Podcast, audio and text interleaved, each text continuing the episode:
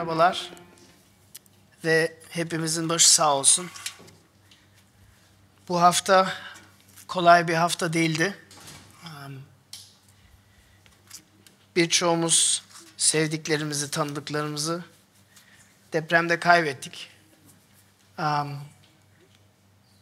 Bireysel olarak kaybetmedikse bile tanıdıklarımızdan, arkadaşlarımızdan, birçok mağdur olanlardan tanıyoruz ve iletişimimiz var.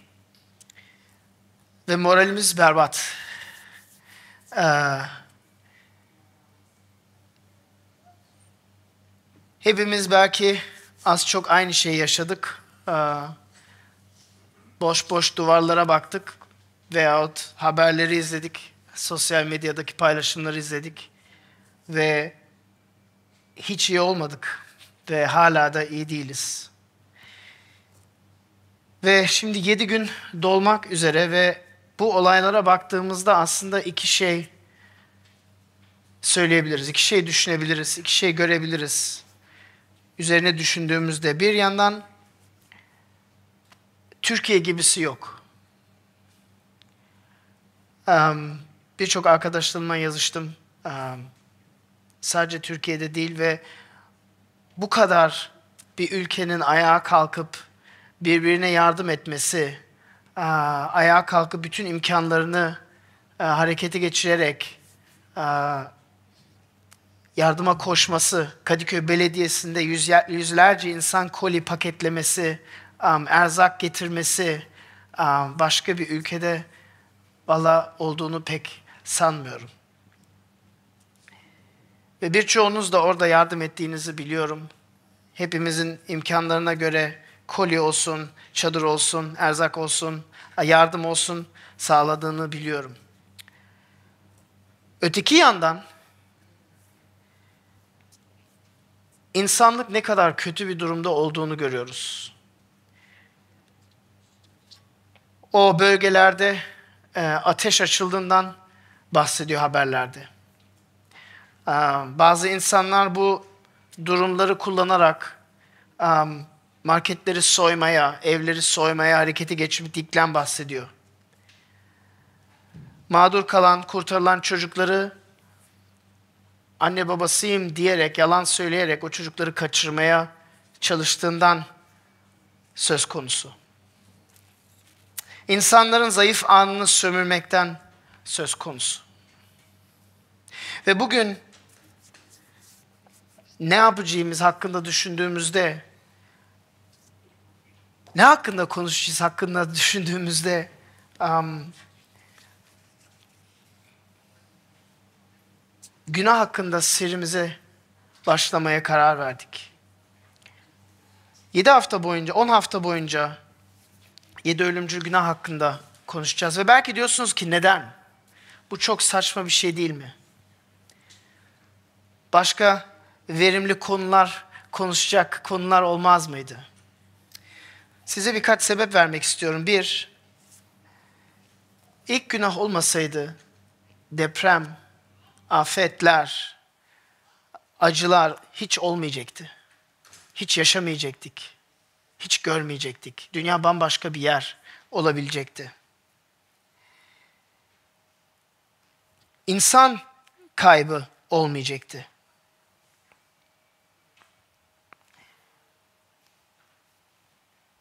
Ama olsa bile, deprem olsa bile, günah olmasa, orada canını yitiren olmayabilir miydi acaba? 1500 yıllarında Mimar Sinan raylı sistemi keşfetmiş. Okudunuz mu biliyor musunuz? Japonya'da bütün binalarda uygulanan bir sistem. Deprem alanlarında insanları koruyan bir sistem. Türkiye'de pek uygulanmıyor. Haberleri izlediğimde 1999 yılını düşündüm. 1999'daki olan depremi düşündüm. Tekrar oradaki haberleri izledim. Ankara'dan İzmir'e kadar giden fay hattındaki olan deprem 7.4 büyüklüğünde olan resmi 1800 373 ölü ve 48.901 yaralı öne süren depremi düşündüm. Ve bilmiyorum siz okudunuz mu? Tavşancıl diye küçük bir bölge var. Fay hattının tam üzerinde küçük bir bölge var. Ve o zamanlar gazeteye çıkmıştı. Ve şimdi yine hatırlıyoruz. Tavşancıl'da 1889 yılında belediye başkanı olan beyefendi Salih Gün fay hatlarını araştırarak, deprem bölgeyi araştırarak birçok sınırlama tedbirleri aldı. Bir, kat, kat sayısını üçten fazla ya sınırladı ve yasakladı. 1999'daki deprem olduğunda Tavşancıl'da haberlerde şöyle yazdı. Bir çivi bile oynamadı. Bir insan kaybı bile yok. Yaralanan bile yok. Dökülen bina yok.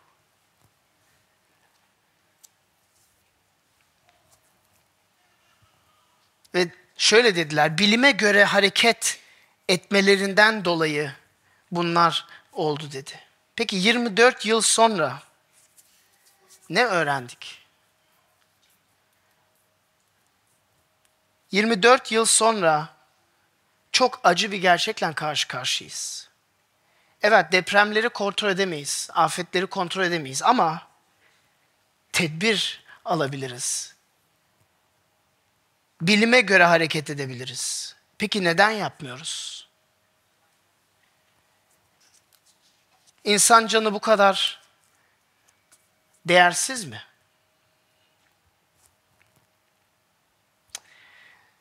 Bu birinci gündem. Çok acı bir gündem. İkinci gündemimiz bugün Hazal vaftiz oluyor. Ve bu çok coşkulu bir şey. Ve bunu iptal edip e, ertelememenin gerekçesi olduğu bir şey. Neden bu şeye önem veriyoruz? Neden bunu coşkuyla kutluyoruz? Çünkü bu iki konunun arasında bir bağlantı var. İnsanın günahkarlığı ve Rabbin sunduğu çözüm ve bize verdiği vaftiz töreninin arasında bir bağlantı var. Ve Yeremya'dan bugün bahsedeceğiz. Metni okuduk. Milattan önce 600 yıllarında yaşayan birisi. Allah'ın İsrail millet ve kültür olarak yıkım döneminde hizmet eden son peygamber diyebiliriz. Son peygamberlerden diyebiliriz. Ve aslında bütün Yeremia kitabı bir vaaz koleksiyonu gibi düşünebilirsiniz. Yeremia gidip vaaz veriyor halka. Konuşuyor. Uyarıyor. Ve bugün Yeremia 2'ye bakıyoruz. İlk baştaki, ilk vaazdan diyebiliriz. Ve Yeremia soruyor, insanlar neden böyle diyor. Depremde insanların öleceğini bile bile neden tedbirler almıyoruz diyor. Neden bu yıkımı tadıyoruz? Neden bu acıyı, neden bu şiddeti tadıyoruz diye bize soruyor.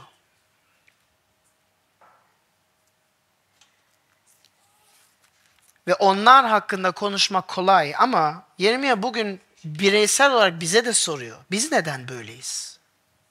Neden her şey bu kadar berbat? Neden bu yıkım, bu acı? Ve cevabı günah anatomisi. Ve bugün bu konuyu ele almak istiyoruz. Günahın çalışma şekli, günahın gücü, günahın etkisi. Ve vaaz bayağı uzun. 37 ayet boyunca size sadece parçalarını verdik. Ama anahtar ayeti 19. ayet. Ve Yeremia bize burada günahın özünü, sebebini ve kökünü gösteriyor. Günahın özü inkar. Günahın korkusuzluğu, e, günahın sebebi korkusuzluk ve günahın kökü değiş dokuş. Beraber metne bakarak başlayalım. Ne dersiniz? Günahın özü derken 19. ayet çok zengin bir ayet ve sonuna doğru Tanrı bize şöyle diyor. Gör ve anla diyor. Gör ve anla diyor. Gör ve anla ne kadar kötü, ne kadar acı, bir gerçekte yaşıyoruz. Ve bakın bu sözler üzerine düşündüğünüzde bu danışmanlık dili diyebiliriz. Hayal edin.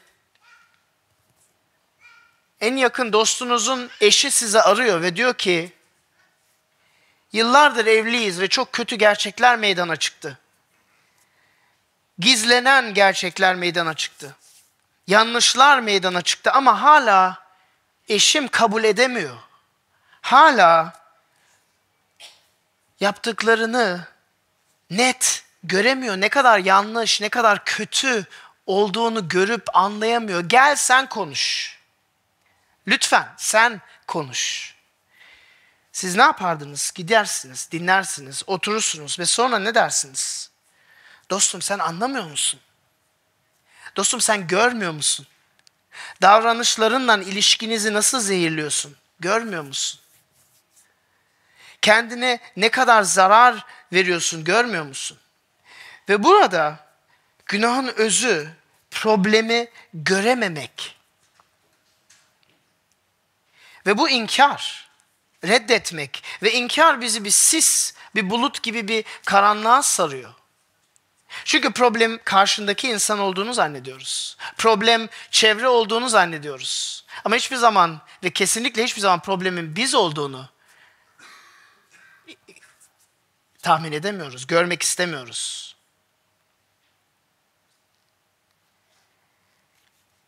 Bakın günahın özü inkar.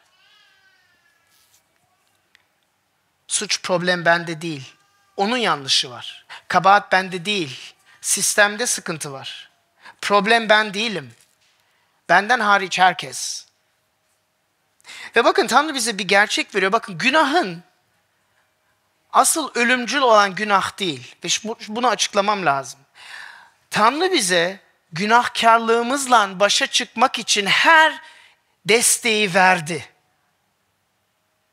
Ölümcül olan günah, günahkar olmak değil, ölümcül olan günahkar olmayı reddetmek, günahkar olmaya inkar etmek. Asıl ölümcül olan şey bu. Bakın e, bir alkolü düşünün veya bir uyuşturucu bağımlılığı düşünün. Bakın birçok destek merkezi var. Alkolik olmak ölümcül bir şey değil. Benim çok sayıda tanıdığım insanlar var geçmişten. Alkollüğünü kabul etmiş, doğru yola çıkmış, tedbirlerini almış ve hayatı bayağı verimli gidiyor. Ama alkollü olduğunu, bağımlı olduğunu kabul etmezsen, inkar edersen problem o. Çünkü o zaman yardım etmek de mümkün değil. Ve Rab burada 13. 19. ayette bunu diyor. Gör ve anla. Çevrene bak ve anla. Kendi hayatına bak ve anla. Ne kadar kötü ve ne kadar acı. Ve bakın genel olarak kendimizi görmek zor. Kendi kendi hayattaki hatalarımızı görmek zor. Başkalarındaki hataları görmek çok daha kolay. Başkalarını eleştirmek çok daha kolay. Problemi başkalarının üzerine yükmek çok daha kolay. Ama burada Tanrı bize şunu diyor. Tüm insan ırkın temel bir sorunu var diyor ve bu günahkar olduğunu reddetmek, günahkar olduğunu inkar etmek diyor. Bu inkar hayatımızı sis gibi saran, gözlerimizi örten bir gerçek.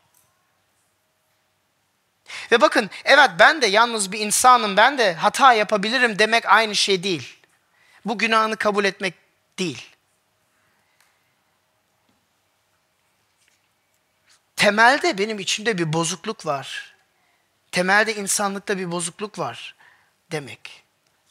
Bakın kutsal kitap diyor ki insan her kötülüğe hazırdır diyor.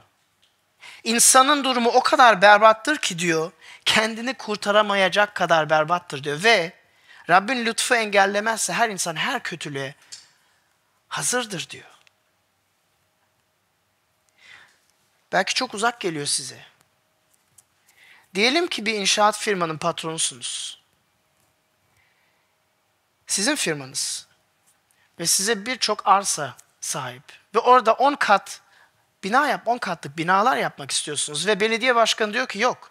Kat sayısı 3 diyor. Ne yaparsınız? Gelirinizin dörtte biri.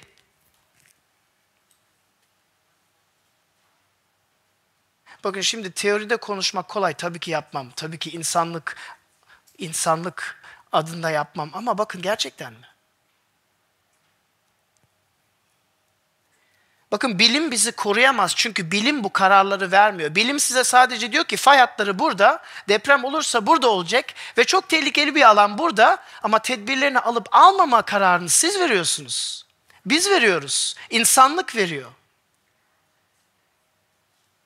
Ve seçenek şu ya dört, dört misli bir kazancım olacak veya dörtte bir kazancım olacak. Ne yaparsınız?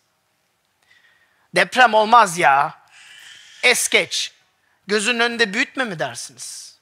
Bakın iddiam bu olmuş bir şey. Sadece bir defa değil birkaç defa olmuş bir şey.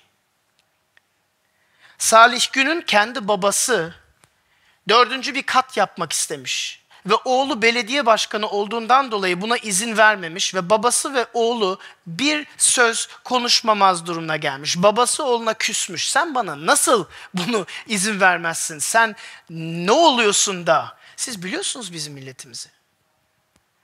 Bu işler bu kadar kolay değil. Kendi, siz belediye başkanı olsanız, fay hattının üzerinde, köyün üzerinde geçen bir yerde belediye başkanı olsanız, dördüncü, dördüncü katı yapma izin verir misiniz babanıza, annenize? Kızı şöyle diyor, insan kaybetmektense oy kaybetmeyi tercih etmiştir babam diyor. Bakın bu bir istisna. Herkes böyle olsa bu durumlarda bugün olmayız. Siz kendi hayatınıza baktığınızda ne görüyorsunuz? Bakın sadece siz değil, felsefe tarihine bakın. Hiçbir filozof insan kötüdür diye yola çıkmadı. Hiçbir dünya görüşünü kuran insan kötüdür, insan berbattır, insan kurtulmaz bir durumdadır diye yola çıkmadı. Hepsi ilk önce insan iyidir diye yola çıktı. Birkaç birkaç insan örnek vereyim. Ernest Becker iki meşhur kitap yazdı. Sosyolog, sistemleri eleştiren bir sosyolog. Birinci kitap sistemsel kötülük üzerine yazmış. Ve üzerinde ne diyor ön sözünde? Diyor ki insanın iyi olduğuna bütün güvenimi koyuyorum diyor. 35 yıl sonra ikinci kitabında yazıyor adam. Adı kötülükten kaçış. Ön sözünde ne yazıyor biliyor musunuz? İnsanın içindeki şeytansal dürtüyü ben göremedim diyor.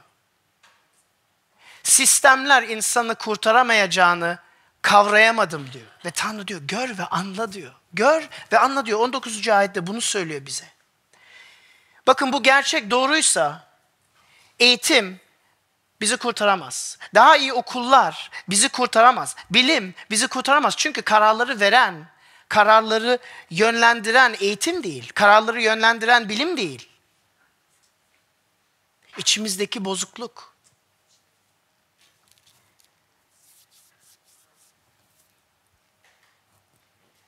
Birçok insan, insan Tanrı'ya inanıyor, Allah'a inanıyor.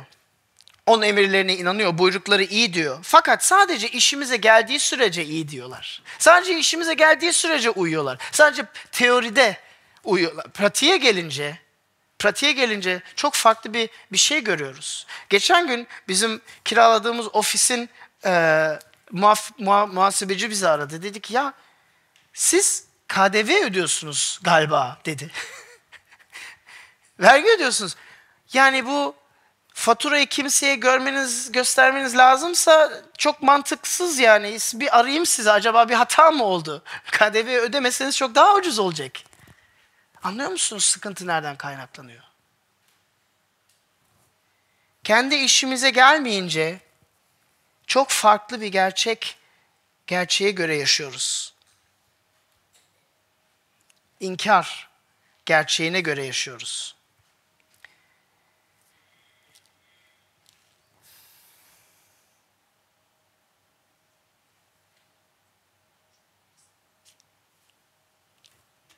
Tanrı diyor ki gör ve anla diyor.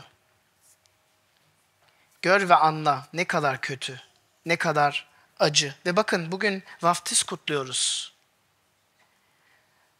Ve vaftiz bunun bir ifadesi. Evet günahkarım. Evet kendimi iyileştirecek kadar yap hiçbir şey yapamam. Ama Rab benim için bir yol açtı. Rab beni temizleyecek bir yol açtı. Son olarak toplumsal bir düşünce, bir şey düşünmek istiyorum sizden. Son günlerde ben çok düşündüm. Ve bakın dediğim gibi Türkiye kadar güzel bir ülke yok. Türkiye kadar muhteşem bir millet yok. Birçok güçlü yönlerimiz var. Ve ben son zamanlarda düşündüm. Bu ülke başka birisinin yönetimi altında olsa acaba ne olurdu? Çünkü bakın insanın iyi olduğunun üzerine bir toplum kurarsanız o zaman insana güvenerek toplum kurarsınız. Size bir örnek vereyim. Neden? Çünkü en iyi bildiğim örnek. İkinci Dünya Harbi'nden sonra oturtulan Almanya'daki anayasa insanın kötülüğünü temel olarak alarak kuruldu. Demokrasi prensibi güçleri ayırt etme, insana güvenemezliğinin gerçekliğinden kuruldu ve yazıldı. İnsanın kötü olduğunu varsayarak bir sistem kurarsak acaba hiçbir üç kat sınırlıysa dört kat, beş kat, yedi kat izin almama gerçekliğine kavuşur muyduk? İnsana güvenemez, insanın kötülüğünü kabul etsek acaba toplumumuz farklı olabilir mi? Ve onun için burada bugün buluşmamız çok önemli. Onun için bugün burada vaftiz kutlamamız çok önemli. Çünkü Rab bize diyor gör ve anla diyor. İnsan iyi değil. Ve buna göre tedbir al diyor. İkinci noktama geliyorum. Günahın sebebi Allah'tan korkmamak. Bakın 19. ayette dedik ki Rab gör ve anla diyor ve bu günahın özü dedik. Özü inkar etmek dedik. Ve sadece bu genel değil, bu özel bir sorun. Sadece genel değil, özel bir problem. Ve sonra daha fazla açıklıyor. Diyor ki beni bırakmak ne kadar kötü, ne kadar acı. Beni terk etmek ne kadar acı, ne kadar kötü diye devam ediyor aynı ayetten. Ama belki siz şunu sormanız gerekir. Peki insan neden bıraktı Tanrı'yı? Neden terk etti ilk elde?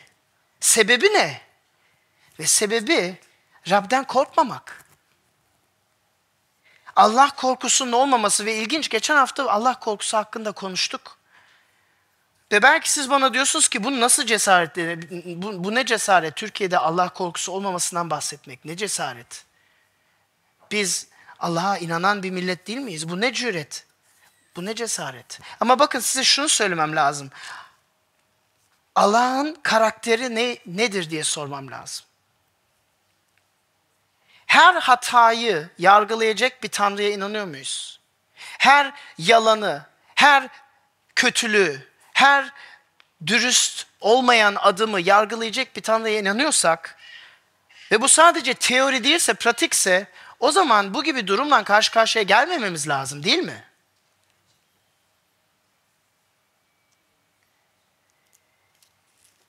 Şirketimde karar verirken ben Tanrı'dan korkuyorsam sadece onun düşündüğünü uygulayarak kararlarımı vermem lazım. Hayatımın her alanını sarması lazım. Ve bakın kutsal kitapta bu çok ilkel bir konu. Tanrı korkusu.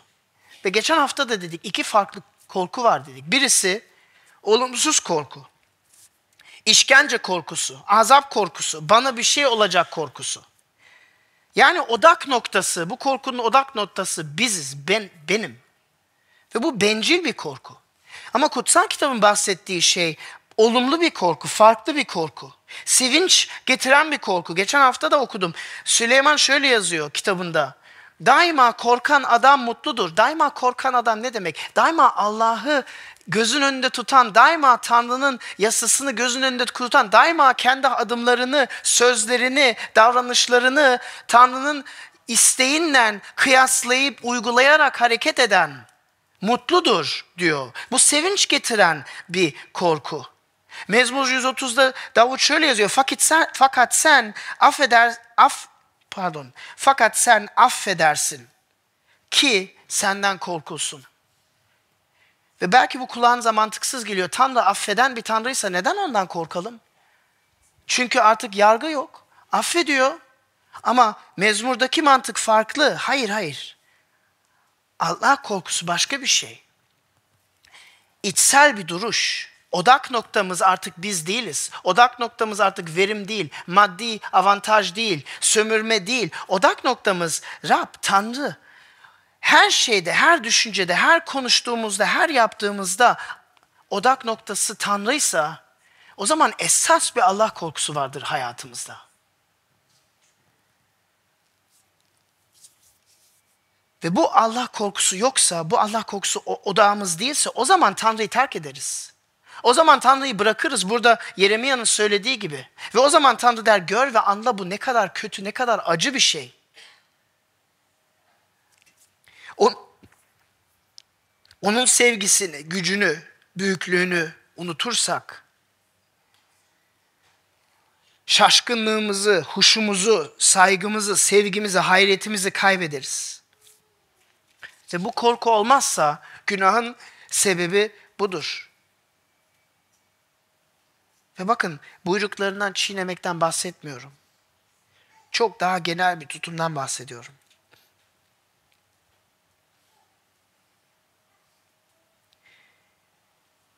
Allah'a korkmasından uzak kalmanın cevabı nedir? Bakın bunun cevabı vaftiz. Vaftizde biraz sonra diyeceğiz ki ben eski hayatıma öldüm. Eski düşünüş tarzıma, eski bencil odak noktama, eski hayatıma öldüm ve Mesih'le beraber yeni hayatıma, yeni gerçeğime, Allah'lı odak noktalı bir hayata dirildim.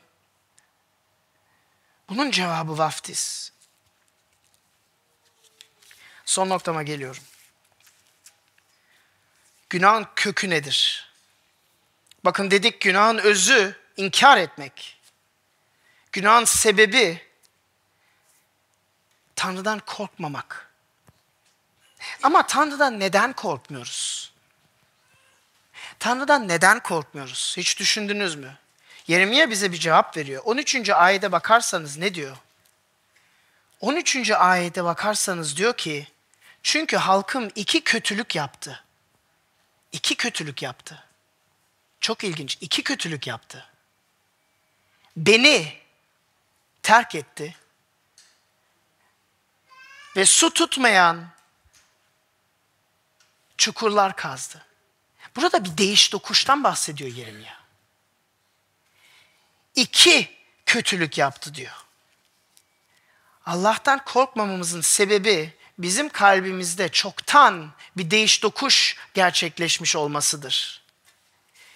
Günah işlediğinizde o anda hayatımızda Tanrı'dan daha önemli bir şey olmasıdır. Daha fazla değer verdiğimiz bir gerçeğin olmasıdır. Ve bundan dolayı Allah korkusundan vazgeçiyoruz. Bundan dolayı Allah'ı terk ediyoruz. Bakın Mezmur 119'da şöyle diyor. Allah korkusu saftır diyor. Neden saftır?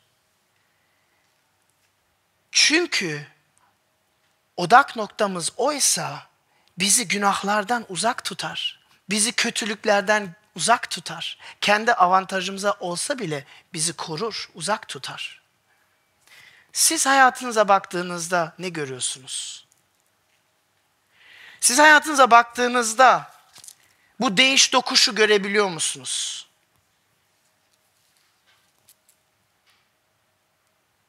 Hayatınıza baktığınızda bütün bu trilyonlarca galaksileri kelamın gücüyle yaratmış olan varlığa sadece bir asistan gibi mi davranıyorsunuz? Sadece ihtiyacınız olduğunda mı çağırıyorsunuz? Sadece işinize geldiğinde mi onun sözünü dinliyorsunuz? Sadece hem fikir olduğunda mı itaat ediyorsunuz? Sadece zor duruma düşerken mi yardım istiyorsunuz? Bakın bu inkar etmek. Çünkü bir yerde bir gerçeklik kaybı var. Böyle bir varlık varsa, her şeyi yaratan Tanrı varsa, o zaman hayranımız koşulsuz olması lazım. Uyumumuz koşulsuz olması lazım. İtaatimizin sınırı olmaması lazım. Sevgimizin, minnettarlığımızın sınırı olmaması lazım. Bu gerçekse Tanrı odak noktamız olması lazım. Ve bunu yapmamak günahın köküdür. Bunu yapmamak kalbimizde bir değiş tokuşun olmasını meydana sürüyor. Tanrı diyor ki beni terk ettiler ama benim yerime başka şeyin peşine koştular diyor. Beni terk ettiler. Hayatın ta kendisini, hayatın kaynağını terk ettiler ve onun yerine sahte şeylerin peşine koştular diyor. Ve burada metinde bir iddia var. Hayatınızda bir, bir değiş tokuş var. Bakın sadece Tanrı'yı terk etmekten bahsetmiyor. Sadece sadece inanmamaktan bahsetmiyor. Sadece Tanrı'yı bırakmaktan bahsediyor. Bahsetmiyor. Onun yerine başka bir şey gelmesi lazım. Bizim bu yüreğimiz hiçbir zaman bir boşlukta olamaz. Ateist arkadaşlarımla bunu çok çok konuşuyorum. Sen sadece Tanrı'yı reddetmekle yaptığın iş bitmiyor. Sen kendini Tanrı olarak görüyorsun. Kendi bilgeliğini, kendi imkanlarını, kendi zekanı, kendi anlayışlarını tahtın üzerine oturmuş olarak görüyorsun. Siz de zaman zaman böyle yapıyor musunuz? Tanrı'nın söyledikleri işinize gelmeyince, duymak istemeyince. Belki bir insan sizi eleştiriyor ve onun söylediklerini duymak istemiyorsunuz. Çünkü sizce hata onda, sizde değil. Ama acaba Rab size bir şey söylemek istiyor mu? Evet eleştirinin şekli yanlış olabilir, tonu yanlış olabilir, zamanlaması yanlış olabilir ama belki Tanrı size bu insanı kullanarak bir şey söylüyor mu?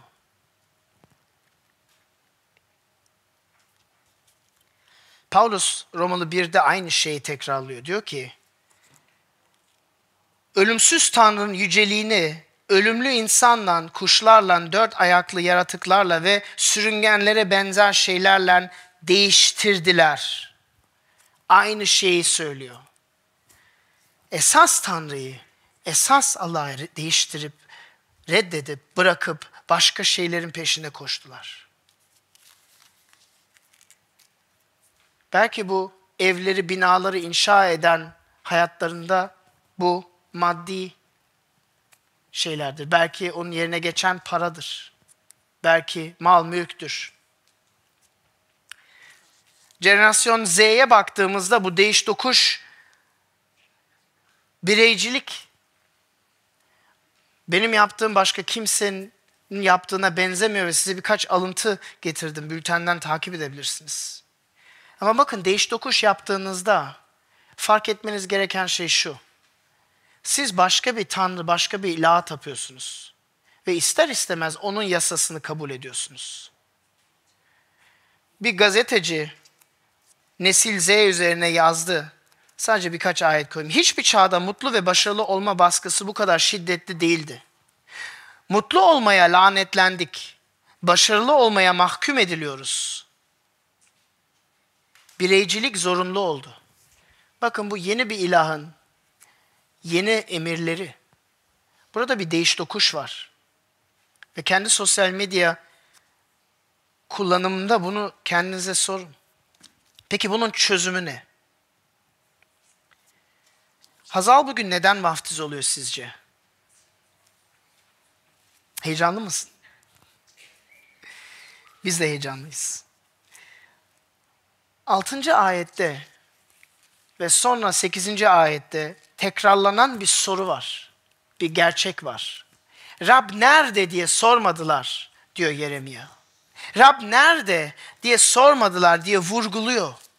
Peki neden sormadılar? Bakın bütün bunların altında başka bir şey daha var. Evet inkar var, korkmamazlık var, bir değiş dokuş var ama aslında en altta bir güven problemi var. Bu Tanrı varsa iyi bir şey mi? İyi bir varlık mı? Ona güvenebilir miyim? Bu, bu Tanrı, bu Allah varsa iyiliğimi istiyor mu? Ve bakın Yeremia bu soruya cevap vermek için 6. ayette Musa'dan bahsediyor. Musa'nın yaptıklarını hatırlatıyor. Ne diyor? Bakın ne diyor? Mısır'dan bizi çıkaran çölde çukurlarda dolu çorak toprakla, boyu karanlıkla kalan kurak toprakla, kimsenin geçmediği, kimsenin yaşamadığı toprakta bize yol gösteren Rab nerede diye sormadılar diyor. Bakın asıl problem bir güven problemi. Ve Yeremia Musa'nın Rab tarafından kullanıldığını hatırlatıyor ve nasıl kullandığını ve İsrail halkı kölelikten kurtulmasını hatırlatıyor. Sistemsel kötülükten kurtulmuş olmasını hatırlatıyor. Ama bakın hala gör ve anla diyor Tanrı. Çünkü sistemsel kölelikten kurtulmuş olmak yetersiz. Çünkü içimizdeki şeytandan kurtulmuş değiliz. Fakat binlerce yıl sonra başka bir Musa geldi. Musa'nın kendisinin vaat ettiği bir Musa geldi. Adı İsa Mesih'ti. Ve bizim en temel problemimizi çözdü. Nasıl çözdü? Bakın, eğer en temel sorunumuz değiş tokuşsa ve güvensizlikse İsa Mesih bu sorunlara cevap vererek bize geldi. Bu değiş tokuşu sıfırlamak için geldi.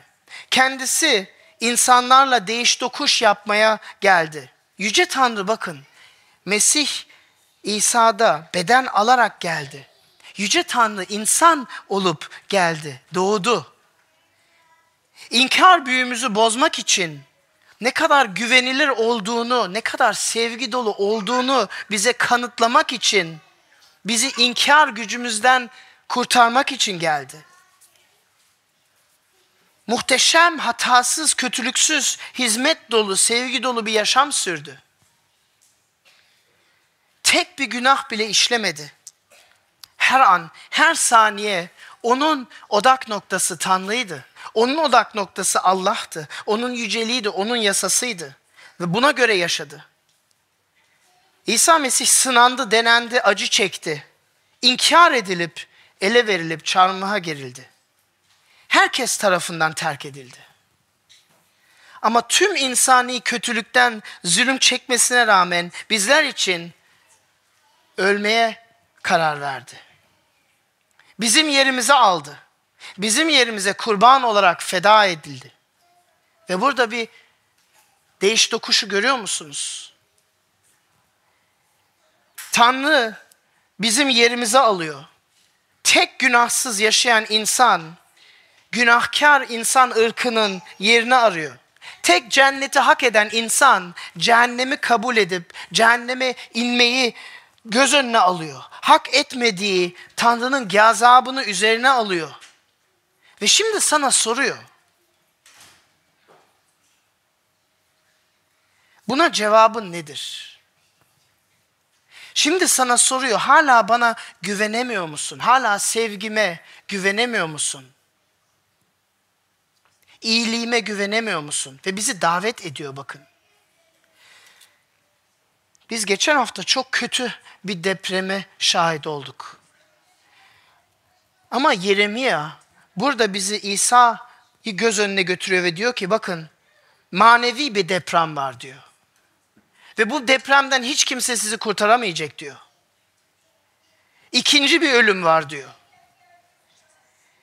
Bu, bu ikinci ölüme karşı ben size bir raylı sistem keşfettim diyor. Tanrı'nın ta kendisi bir raylı sistem keş sizi koruyabilecek bir sistem keşfettim diyor. Buna güvenecek misiniz? İmanınızı, umudunuzu Mesih İsa'ya koyacak mısınız? Benim size söylediklerimi görüp anlayacak mısınız? Uygulayacak mısınız?